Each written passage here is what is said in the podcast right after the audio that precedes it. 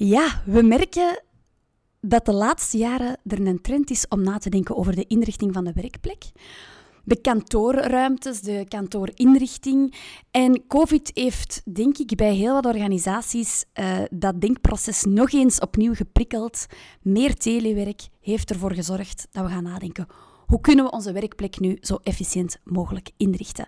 En een concept dat daarbij dan vaak uh, naar boven komt, is het concept van activiteitsgebaseerd werken. We gaan jullie zo meteen uitleggen wat het betekent en hoe dat wij ermee aan de slag zijn gegaan. Daarvoor heb ik Charlotte Comté uitgenodigd vandaag. Um, een expert mee in het uitrollen van uh, eh, ABW-projecten. Uh, Welkom Charlotte. Hey Jana. en dit is Radio Change Lab.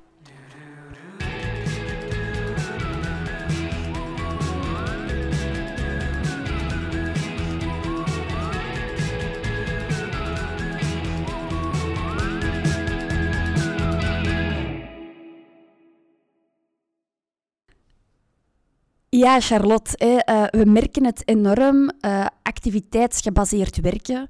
Ik ga nu even een uh, race buzzwords uitspreken. Flexwerk, hybride werken. Het zijn zo allemaal nieuwe namen die enorm opkomen. Um, waarbij dat ik toch wel het gevoel heb dat het ook wel gaat om van die kantoorruimte moet meer draaien rond samenwerking en uitwisseling. En dat concentratiewerk um, en, en online calls en zo meer geïsoleerd worden, um, meer plaatsvinden in de thuiswerkplek of op afstand. Uh, is dat ook uw ervaring? Ja, uh, enorm eigenlijk zo. Ik ben drie jaar geleden beginnen werken. Nee, drieënhalf jaar ondertussen. En je merkt dat voor mij als persoon ook al veel minder de behoefte is om heel de dag aan dezelfde werkplek te gaan zitten. Uh, omdat er al een kleine introductie was van de eerste calls en oh, die werkt van thuis of oh, die werkt bij een andere klant. We moeten online um, meeten. Terwijl dat er eigenlijk al zoveel jaren we één soort bureau kennen. Hè. We hebben je eigen bureau, je hebt je eigen werkplek en je zit daar gewoon van s ochtends vroeg tot s avonds laat. Um, het enige man, uh, de enige momenten eigenlijk dat je dan je werkplek zou verlaten, was dan voor een koffie te gaan halen of voor in de meetingroom fysiek samen te komen. Maar voor de rest tegen eigenlijk alles op diezelfde werkplek. En nu zijn er toch zoveel verschillende noden en verschillende uh, andere manieren van werken bijgekomen, waardoor dat we dat toch moeten herdenken ook. Dat we niet meer heel de dag op diezelfde werkplek kunnen zitten. Ja, dus dat is eigenlijk eh, het ABW-werken ja. ook. Hè? Het, ja een werkplek kiezen in functie van je activiteit, eerder dan dat je alle activiteiten van achter dezelfde bureau, van achter dezelfde werkplek. Um, en inderdaad, omdat er meer activiteiten en verschillende vormen en kanalen bijkomen, is het ook logisch dat je gaat nadenken van, is dan diezelfde werkplek altijd um, ja, wenselijk of geschikt voor die, voor die activiteiten? Um, en werkt het nu bij u om meer activiteitsgebaseerd te werken? Ik moet zeggen, soms werkt het en soms ben je zo in je, in je zone dat je denkt van ah nee, ik ga dit gewoon allemaal zelf doen, uh, op dezelfde plek. Maar je merkt wel, ik merk toch wel als ik uh, thuiswerk, dat ik eerder mijn concentratiewerk kies. En dat je dan eigenlijk op die manier een beetje ABW werkt. Hè? Dat thuis je concentratiebubbel is. En dat op kantoor dat je toch samenkomt om, om, over, om overleg te hebben of om samen te werken of om dingen te bespreken met je collega's. Ja. Maar uh, sinds kort hebben we nu ook een belcel in ons uh, kantoor. En uh, ik heb nu toch ook wel steeds meer de reflex om daar te gaan bellen om je collega's dan ook niet te storen. Dus ik merk wel dat dat bij ons ja. ons eigen kantoor, ik ga aan de weg, um, wel geëvolueerd is. Maar dat dat ook niet altijd zo gemakkelijk is om dat te introduceren. Zeker als je zelf niet echt die behoefte hebt om, uh, om dat te doen. Ja, en de reden dat wij hier nu vandaag over elkaar zitten, Charlotte, is omdat wij natuurlijk een heel intens activiteitsgebaseerd project samen hebben mm uitgerold uh, bij, bij een van onze klanten. En ik denk inderdaad, waar wij zelf ook doorgaan in onze eigen kantooromgeving, ja, dat hebben we dus ook bij onze klant um, mee begeleid. Um, en ik denk dat we daar toch een aantal interessante uitdagingen hebben uh, uit kunnen destilleren. Um, activiteitsgebaseerd werken, flexwerken, hybride werken. Het zijn termen die inderdaad enorm populair zijn, maar ze zijn niet altijd voor iedereen even gemakkelijk. Hè. Um, de, de meeste of de grootste uitdagingen op project? Hoe zouden we die omschrijven? Het zijn er veel, maar we hebben maar, een, we hebben maar een half uurtje. Uh, Oké. Nee, uh, als eerste zou ik toch wel denken, is dat je hebt twee aspecten van, van werken. Je hebt je activiteiten, je hebt je werk, maar je hebt ook je plek in je collega's en je omgeving. En met activiteitsgebaseerd werken veranderen we niet je werk, maar je omgeving, je veilige plek waar je eigenlijk naartoe komt elke dag. We merken toch dat dat ja, een enorme impact heeft op, op je, dagelijkse werking in het, in het gebouw, in, in, in je kantoor. En dat kan gaan tot, oh, ik zat normaal altijd naast mijn favoriete collega en wij babbelden. Of uh, ja, je moet je gaan verplaatsen en je weet niet naar waar. En je voelt je niet meer thuis in diezelfde omgeving. En denk ja, dat, dat, is wel ja, dat is mooi gezegd, denk ik. Zo, heel vaak introduceren wij veranderingen. Allee, we introduceren ze niet altijd natuurlijk, maar we, we begeleiden ze wel. Maar dat zijn veranderingen die binnen een bepaalde context gebeuren, waardoor mensen zo nog wel hun safe haven mhm. hebben. En in dit geval is de verandering echt het verlaten van die, die veilige kokon. Ja. Ehm, wat dat echt maakt dat je ze gaat... Ja, ja, echt uit die, veilige, uit die veilige haven gaat trekken. En dat is veel disruptiever misschien dan het aanleren van een nieuwe tool of het, het aanleren van een nieuwe kleine gewoonte. Of, of ehm, Want eigenlijk heeft het dan ook nog eens um, niet impact op niet één activiteit als je een nieuwe tool gaat uh, introduceren, maar eigenlijk op al je individuele activiteiten doorheen de dag, ja. gaat, heeft die werkplek wel een impact. En als je dan zou moeten verplaatsen, of je zit niet meer naast je collega, die, um, of je hebt niet meer je, je notitieboekjes overal, of je postjes dat je op je scherm kunt plakken. Er zijn van alle kleine uh, aanpassingen die je aan je, je, je werkplek gaat ga, ja. toepassen. En inderdaad ook je manier van werken eigenlijk impliciet ook. Hè? Als je inderdaad al bepaalde methodes hebt die heel eigen zijn, gemaakt aan je werkplek. Ja, het verlaten van die veilige haven, dat hebben we ook wel gemerkt hè, op projecten. Um, ja, medewerkers die hadden dan hun, hun cornflakesdozen in de schuiven steken en, en die hadden hun foto's van hun kinderen op de bureau staan. Ja, dat dat toch wel een hele moeilijke was hè, om, om, om daar afstand van te nemen. Daarbij komt dan ook nog eens dat het heel moeilijk is om je in te beelden hoe gaat, er dat, hoe gaat dat er dan ook aan toe gaan op die nieuwe werkplek. Hè? Je kan ook niet... kan moeilijker gefaseerd aan de slag gaan met die verandering. Het is zo direct Big Bang, oké, en nu de dozen meepakken en... Uh, ja, je kunt moeilijk zeggen, vandaag gaan we enkel de, de belcel gebruiken. Ja. Uh, en vanaf volgende week moet je dan ook nog de concentratieruimte. Dus je gaat ze allemaal tegelijk moeten ontdekken. Dus moeten dat is ontdekken, uh... absoluut. Je faciliteiten moeten volledig aangepast zijn aan die manier, nieuwe manier van werken. Want ook als ze dan nog niet volledig zijn aangepast, gaat het ook niet werken. Want dan werkt, het, werkt heel het systeem ook niet. Want mm activiteitsgebaseerd werken betekent dat we ruimte hebben uh, dat inspeelt op elke behoefte, of zoveel mogelijk. En als je dan maar een paar mogelijkheden openstelt, ga je toch niet op die manier kunnen aanleren van werken. Absoluut, ja. Zijn er zo nog uitdagingen uh, waar ik nu ook nog aan denk, is... Ja, iedereen moet erdoor. Ja. Um, de hele organisatie moet erdoor inclusief wij consultants, inclusief ja, managementleidinggevende. Um, dat terwijl het ook heel visibel is. Hè? Ja. En ik denk dat daar ons Walk the Talk verhaal een belangrijke rol in zal spelen, of inspeelt. Mm Dat als iemand het niet doet, valt het heel erg op. Hè? Als je een, een tool niet gebruikt, ja, oké, wat er eigenlijk op je computerscherm gebeurt, wie weet dat.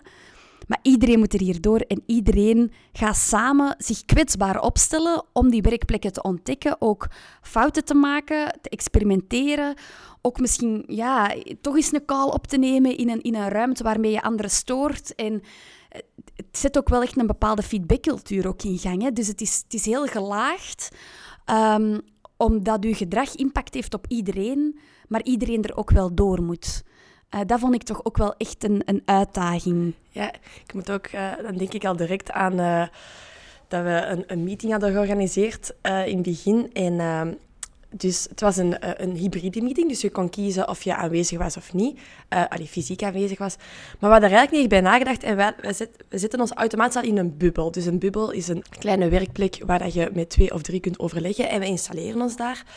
En iedereen belt in en we zien eigenlijk dat drie of vier groepjes hetzelfde dachten. Maar we zaten allemaal in hetzelfde gebouw. Ja. En uiteindelijk zaten we, konden we een even goede meeting fysiek in een vergaderzaal organiseren. Dus er zijn ook bepaalde reflexen die ook wij, die het introduceren, zelf ook moesten maken. En Ja, ja, we hebben daar toen wel over, over gelachen, maar daarna dachten we wel van, zeg, we moeten hier toch ook wel beter over nadenken en, Ja. en, en die reflexen gaan inbouwen. En dat was dan... Zo merk je ook wel dat het concept ook nog gekneed wordt, Ja. terwijl je er eigenlijk mee aan het experimenteren bent. Dat je denkt van, ah ja, maar oké, ja, als we hier dan toch allemaal samen in het kantoor aanwezig zijn, is het eigenlijk wel veel leuker om één vergaderzaal te reserveren Mm. in plaats van allemaal versnipperd over vijf bubbels te vergaderen. Dus je voelt ook nog dat dat concept zich ja, nog kneedt en zich nog vormt Ja. tijdens eigenlijk eh, de Ja. uitrol van, van de nieuwe manier van werken en, en de nieuwe werkplek in het bijzonder.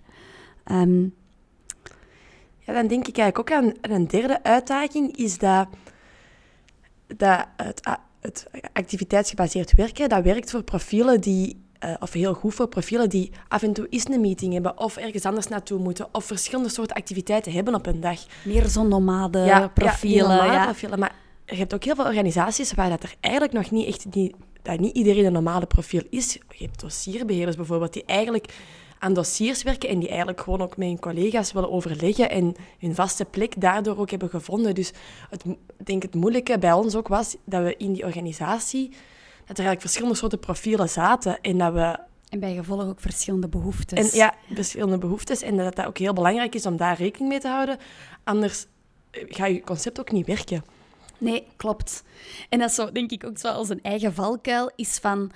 Als je dan zo die verandering begeleidt, ja, je denkt ook heel vaak vanuit je eigen bril. Ja. Hè, van, oké, maar ik ben wel heel nomade en ik heb wel verschillende activiteiten op een dag, dus hoe, ga, hoe, ga ik dat, hoe zou ik dat doen? Hè? Mhm. Ehm, en hoe kan ik medewerkers daar ook in begeleiden?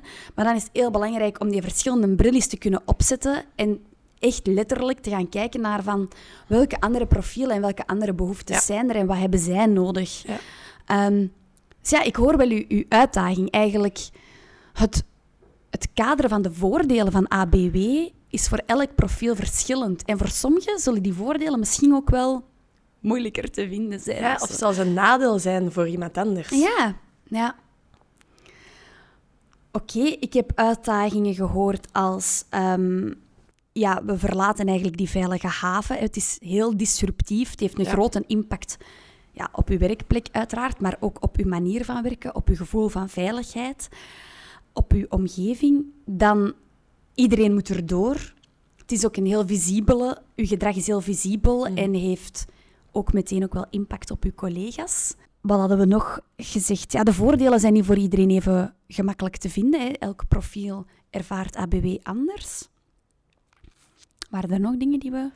Dat waren denk ik wel de drie voornaamste uitdagingen. Gekozen. De drie voornaamste, inderdaad. Ja. ja. Ehm, En hoe zijn we daarmee aan de slag, te- slag gegaan? Hè? Want ik denk iedereen die dit nu hoort en deze uitdagingen herkenbaar vindt. Wat hebben wij daarmee gedaan, Charlotte?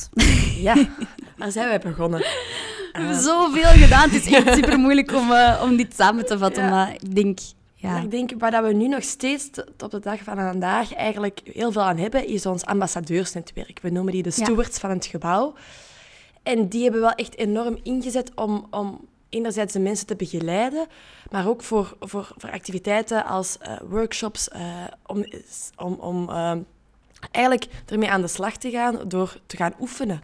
Om die veilige plek een beetje te hercreëren in een, in een, kleinere, in een kleinere groep, om te gaan experimenteren en te gaan uitwisselen.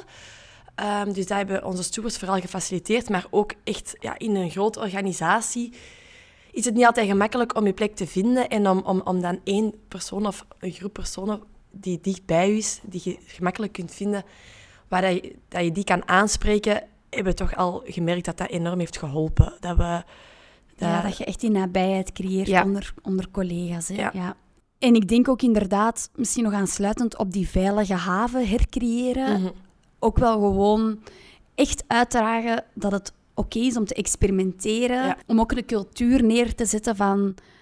Het is oké dat het nog niet altijd allemaal vanaf dag één lukt en dat je soms ook eh, inderdaad moeilijkheden ervaart met die activiteitsgebaseerde plek. Maar geef feedback aan elkaar, uh, vraag aan je collega's wat stoort, wat niet stoort. En die openheid en die veiligheid hercreëren, dat is denk ik wel ja, en in het kader van Safe Haven, of in van die veilige werkplek, hebben we ook geprobeerd om te luisteren naar wat maakt nu onze werkplek veilig. En we hebben eigenlijk verschillende werkgroepen georganiseerd. Eén daarvan ging echt puur over de inrichting. Ja. Oké, hoe kunnen we nu die werkplek, we gaan die niet na kunnen bouwen, we gaan niet je exacte bureau met je postzetjes aan je scherm en je conflicts in de lade uh, kunnen namaken, maar we kunnen wel ons best doen om ervoor te zorgen dat, dat die werkplek veilig is. En daardoor daar hebben we niemand minder van nodig, is onze eigen werknemers. Dus echt vanuit hun ehm, ideeën laten vloeien en eens te zien van oké, hoe kunnen we die ook implementeren.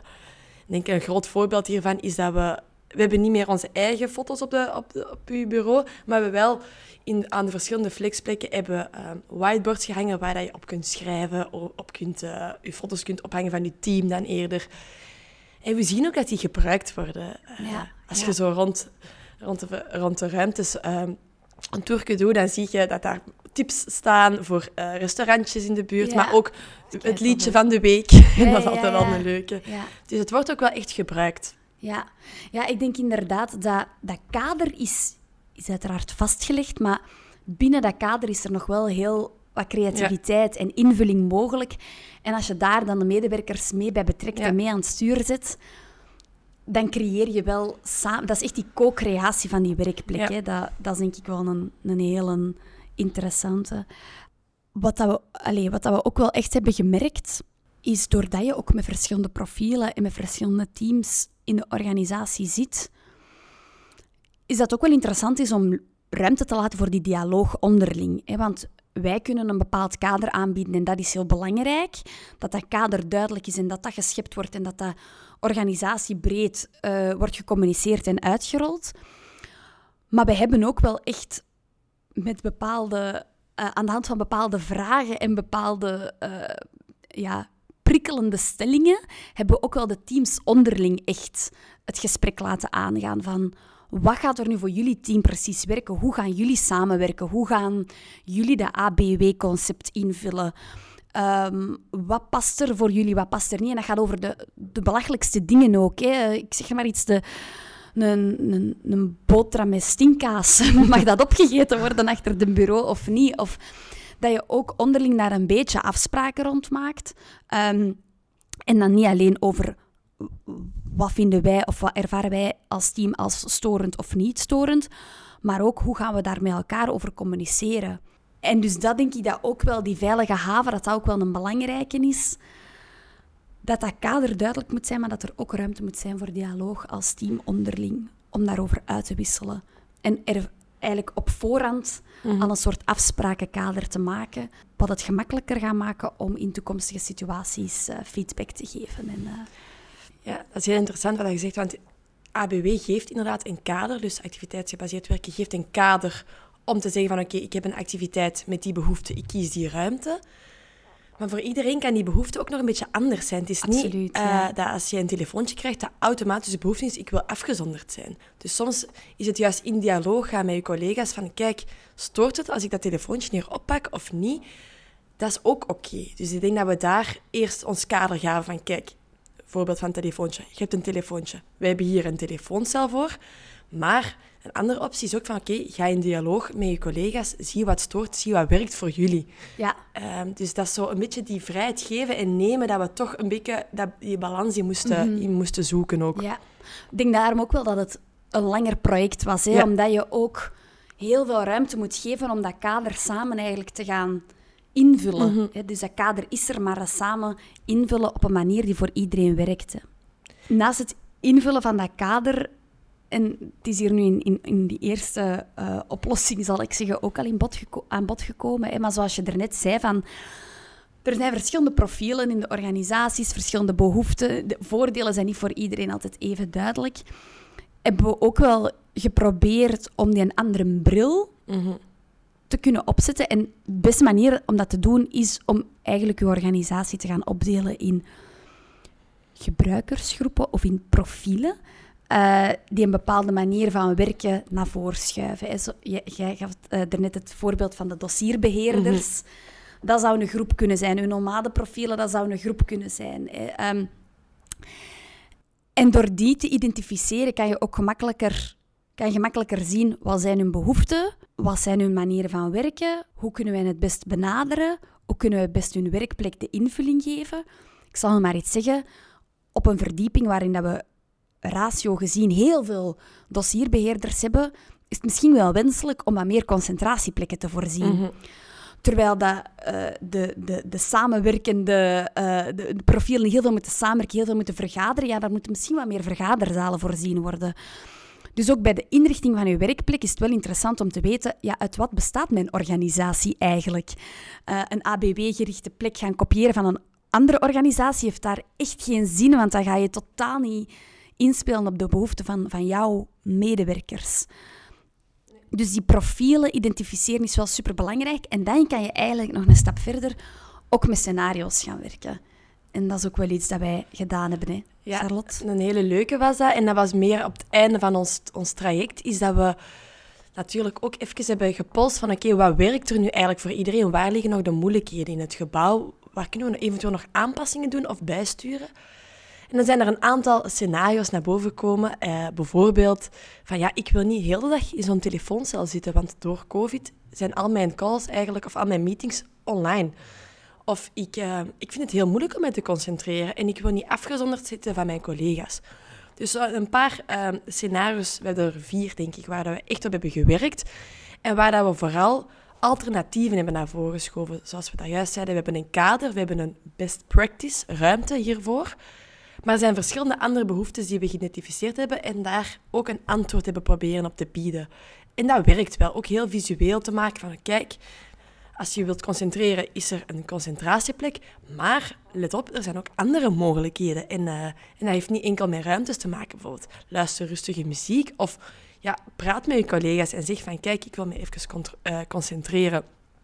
Dus dat zijn eigenlijk die persona's die we daar gevormd hebben zouden eigenlijk de handvaten moeten bieden om te kijken van oké, om een beetje ruimer te denken dan uh, de werkplekken die er voorzien zijn of de uh, best practice uh, werkplekken. En daar hebben we toch ook wel positieve respons op gekregen van eindelijk zijn die, is dat kader is vertaald naar, naar onze eigen behoeftes. En dat, is, dat, is, dat is een belangrijke. Ja, ja. Ja, een groot stuk van onze rol is eigenlijk het prikkelen van de juiste vragen en dat maakt ook eigenlijk dat je met meer ben, bezig bent dan een verandering van werkomgeving, maar toch ook wel met een soort van cultuurverandering. Ja. Uh, doordat je eigenlijk gaat prikkelen op een meer open feedbackcultuur, uh, doordat je gaat prikkelen uh, om inderdaad andere mogelijkheden, dialoog aan te gaan, noem maar op. doordat je je leidinggevende en je topmanagement ook mee in jezelf boot zet van ja, doe het nu maar eens. Want als zij zich apart gaan zitten een hele dag in een vergaderzaal omdat zij voelen van ik heb wel die autoriteit, ja, dat geeft gewoon een, een heel eh, wrange boodschap naar uw medewerkers toe. Dus het is wel echt een hele uitdagende verandering. Hè? Ja, en zoals je zegt, die cultuurverandering, ligt echt in dat feedback geven, maar dan ook in dat experimenteren, in dat durven iets anders te doen en durven uit je eigen kokonnetje te komen en misschien eens naast iemand anders te gaan zitten die je niet kent. En uit te gaan wisselen en elkaar beter te leren kennen. Dus het heeft echt verschillende facetten en het is niet zomaar, je verandert je werkplek, poef, paf, het is in orde. Er komt zoveel bij kijken en dat denk ik dat voor ons ook wel het interessantste aspect was van heel die verandering. En het is, zoals jij daarnet ook zei, van, het, is heel, allez, het is heel visibel. hè? Allee, um, je merkt dan ook wel op een zeker moment, dat hebben we ook een stukje moeten, moeten counteren, maar dat er ook een beetje met de vinger gewezen wordt. Hè, van, ja, maar die bubbel is al heel de dag bezet. En die is daar niet op dat moment aan het uitwisselen met een collega, maar die gebruikt dat als werkplek. Hè. Dus dan begin je ook zo te voelen van, ah, oké, er wordt een beetje met de vinger gewezen. En eigenlijk, als je nog in die eerste fase zit, moet je ruimte laten om daarmee te experimenteren. En dat is ook oké dat nog niet iedereen direct de werkplek gevonden heeft waar hij zich veilig en goed in voelt en ook nog eens ja, goed zijn werk kan doen. Want daar gaat het in die end ook wel over. Hè. Het is een heel mooi concept. Maar de prioriteit van de meeste medewerkers is om, om goed de job te kunnen uitvoeren natuurlijk. Hè. En daar moet in het begin ruimte voor zijn. Uiteraard wel steeds met de juiste prikkels, met de juiste vragen die uitdagen om werkplekken die fout gebruikt worden wel opnieuw te gaan, uh, te gaan herdenken van oké, is er een andere plek die, die daar meer wenselijk voor is. Goed. Charlotte, mij. ik denk dat wij nog superveel te zeggen hebben, maar... We hebben hier een project van een paar jaar ja. even samengevat in uh, eh, 20 minuten zitten. Ja, maar, ja het, is, het, is, het is inderdaad... Het gaat, um, het gaat heel moeilijk zijn om dat samen te vatten, maar ik denk wel... Kunt jij nog... Nu stel ik misschien een moeilijke vraag, maar kunt jij nog zo op vlak van change management... Wat zijn eigenlijk de, de kernprincipes die wij naar voren hebben geschoven tijdens dit project? Oké, ja, om samen te vatten. Um, het allerbelangrijkste is dat we een veilige omgeving gaan creëren voor de, voor de medewerkers. En hoe doen we dat? Enerzijds door een kader te bieden van oké, wat is dit nu? Wat betekent dit voor jullie? Maar twee, ook om ruimte te laten om te experimenteren, maar ook om mee invulling te geven aan die nieuwe werkplek. Um, ook uh, de nabijheid creëren, zeker als we in een heel grote organisatie zitten, is om dat ambassadeursnetwerk op te richten. Hè. Om, om, om die aanspreekpunten, die directe aanspreekpunten te hebben, om feedback te capteren ook, maar ook om bezorgdheden en ehm, twijfels ook uh, te kunnen beantwoorden. Ja, ja. Nee, heel herkenbaar. En ik denk, um, ja, ik hoop natuurlijk dat de luisteraars hier ook iets aan hebben. Um, ja, twijfel niet van nog uh, vragen te stellen. Je kan altijd nog vragen insturen. Um, maar ik ben eigenlijk heel blij om dit project nog eens een keer samengevat uh, gehoord te hebben. um, het is inderdaad, zoals je zegt, al een, een project van enkele jaren. Ja. Maar dat is uh, grappig, want normaal zijn dit onze treingesprekken als wij op en neer naar ons kantoor gaan. Want dan even reflecteren, wat hebben we nu gedaan? En nu hebben we dat even opgenomen. Ja, gewoon micro onder de neus geschoven.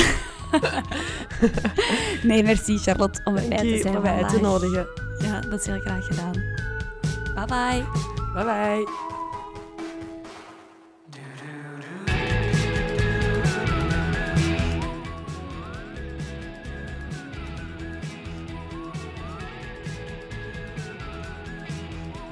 Een groot stuk van onze rol is eigenlijk het prikkelen van de juiste vragen. En dat maakt ook eigenlijk dat je met meer mee bezig bent dan een verandering van werkomgeving, maar toch ook wel met een soort van cultuurverandering.